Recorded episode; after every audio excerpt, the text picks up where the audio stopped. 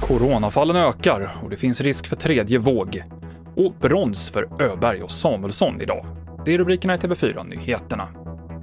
Coronarestriktionerna i Sverige kommer fortsätta att gälla och det finns en risk för en tredje våg, säger Stefan Löfven. Sverige befinner sig i ett skört läge.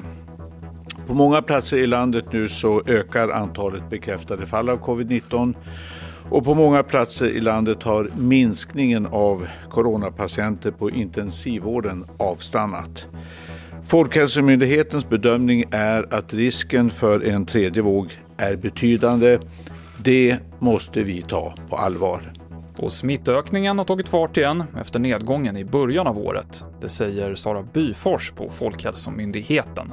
Den minskning eller den platå vi har sett eh, mellan tidigare veckor bröts mellan vecka Eh, 5 och 6 och vi har istället en, en liten ökning. Och tittar man på de fall som anmälts hittills under vecka 7, den innevarande veckan, så ser vi också att trenden är att vi kommer antagligen att få se ett visst, en viss ökning av antalet fall även den här veckan. Eh, även den nedgående trenden vad gäller IVA-fall har brutits och planat ut. Mer från dagens presskonferenser på TV4 Play. Och ett nytt läkemedel för att behandla covid-19 får nu användas i Sverige. Det består av konstgjorda antikroppar som ges via dropp tidigt under sjukdomsförloppet till personer med riskfaktorer som annars riskerar att bli svårt sjuka. Ikväll så ska NASAs rymdfarkost Perseverance landa på Mars för att sen söka efter spår av liv och ta hem dem till jorden. Men det blir spännande för genom historien så har sådana här landningar misslyckats flera gånger. Du kan följa hur det går i en sändning runt klockan 22 på TV4 Play.